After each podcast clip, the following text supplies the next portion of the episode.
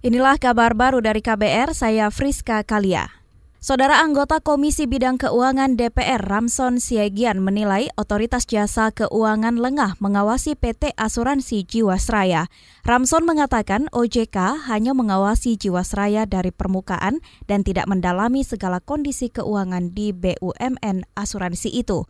Selain itu, OJK juga tidak pernah melaporkan indikasi masalah di Jiwasraya bahkan sejak 2018 lalu. Kapan OJK menemukan masalah belasan triliun itu waktu melakukan pengawasan? Pada saat kapan itu? Atau hanya mengawasi dari luar-luar saja atau menyelam ke dalam? Itu yang pengen kita tahu, hanya berenang di atas atau OJK juga nyelam ke dalam gitu.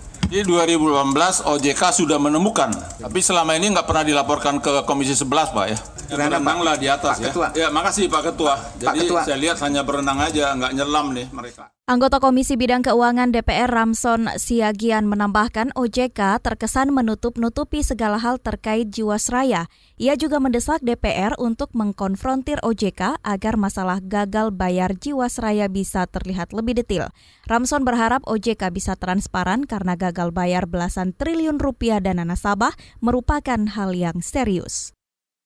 Beralih ke informasi berikutnya, fenomena adanya keraton dan kerajaan baru diyakini akan selalu terjadi. Guru Besar Fakultas Psikologi UGM Yogyakarta, Kuncoro mengatakan, mereka yang mengklaim memimpin sebuah keraton dan kerajaan baru mengalami waham kebesaran atau kemampuan meyakinkan orang lain sehingga yang bersangkutan mempercayai mereka. Oh akan tetap terjadi. Sekarang kan bisa melihat sejak zaman dahulu ada dan ke depan akan tetap ada. Maka salah satu yang bisa kita lakukan satu hormatilah orang tuamu. Gitu. Itu betul. Kita terima, kita apa adanya di rumah kita hargai. Kenapa tidak ada mereka tidak ada sarana tempat orang tua itu untuk melakukan aktualisasi dirinya, maaf. Bahaya yang lain kayak yang ibarat saya samakan dengan itu adalah isu kenapa muncul kena kelar remaja, kelitih dan sebagainya di Jogja, satu contoh. Guru Besar Fakultas Psikologi UGM Yogyakarta Kuncoro juga menambahkan kemunculan keraton dan kerajaan baru tidak memiliki modus ekonomi.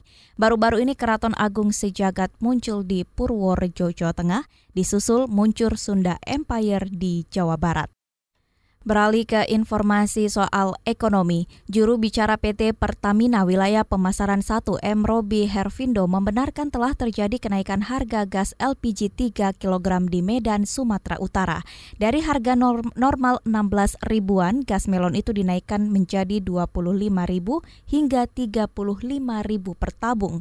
Robi mengatakan kenaikan gas melon itu terjadi di kalangan pengecer, bukan di pangkalan atau distributor resmi Pertamina. Jadi jadi harga LPG 3 kilo itu uh, kami pantau uh, itu memang sekarang naik kisaran 25 sampai 35 ribu di tingkat pengecer. Uh, sementara kita ketahui bahwa pengecer ini bukan distributor resmi Pertamina. Juru bicara PT Pertamina Wilayah Pemasaran 1 M. Robi Hervindo menambahkan kenaikan harga gas LPG 3 kg di tingkat pengecer Medan akibat kabar rencana pemerintah mencabut subsidi dan membatasi gas melon. Hal itu kemudian dimanfaatkan oknum pengecer untuk menaikkan harga gas LPG 3 kg secara sepihak. Kita beralih ke informasi olahraga. Persija Jakarta mengirim pemain dan pelatih usia muda ke markas klub La Liga Deportivo Alaves di Spanyol. Pengiriman itu bertujuan meningkatkan kemampuan dan menimba pengalaman. Direktur Pengembangan Persija Ganesa Putra mengatakan kerjasama dengan Deportivo Alaves karena klub itu punya kepedulian besar terhadap pembinaan pemain muda.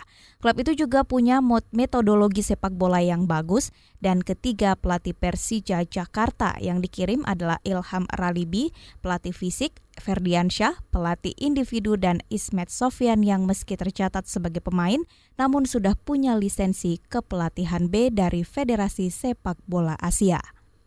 Demikian kabar baru dari KBR, saya Friska Kalia.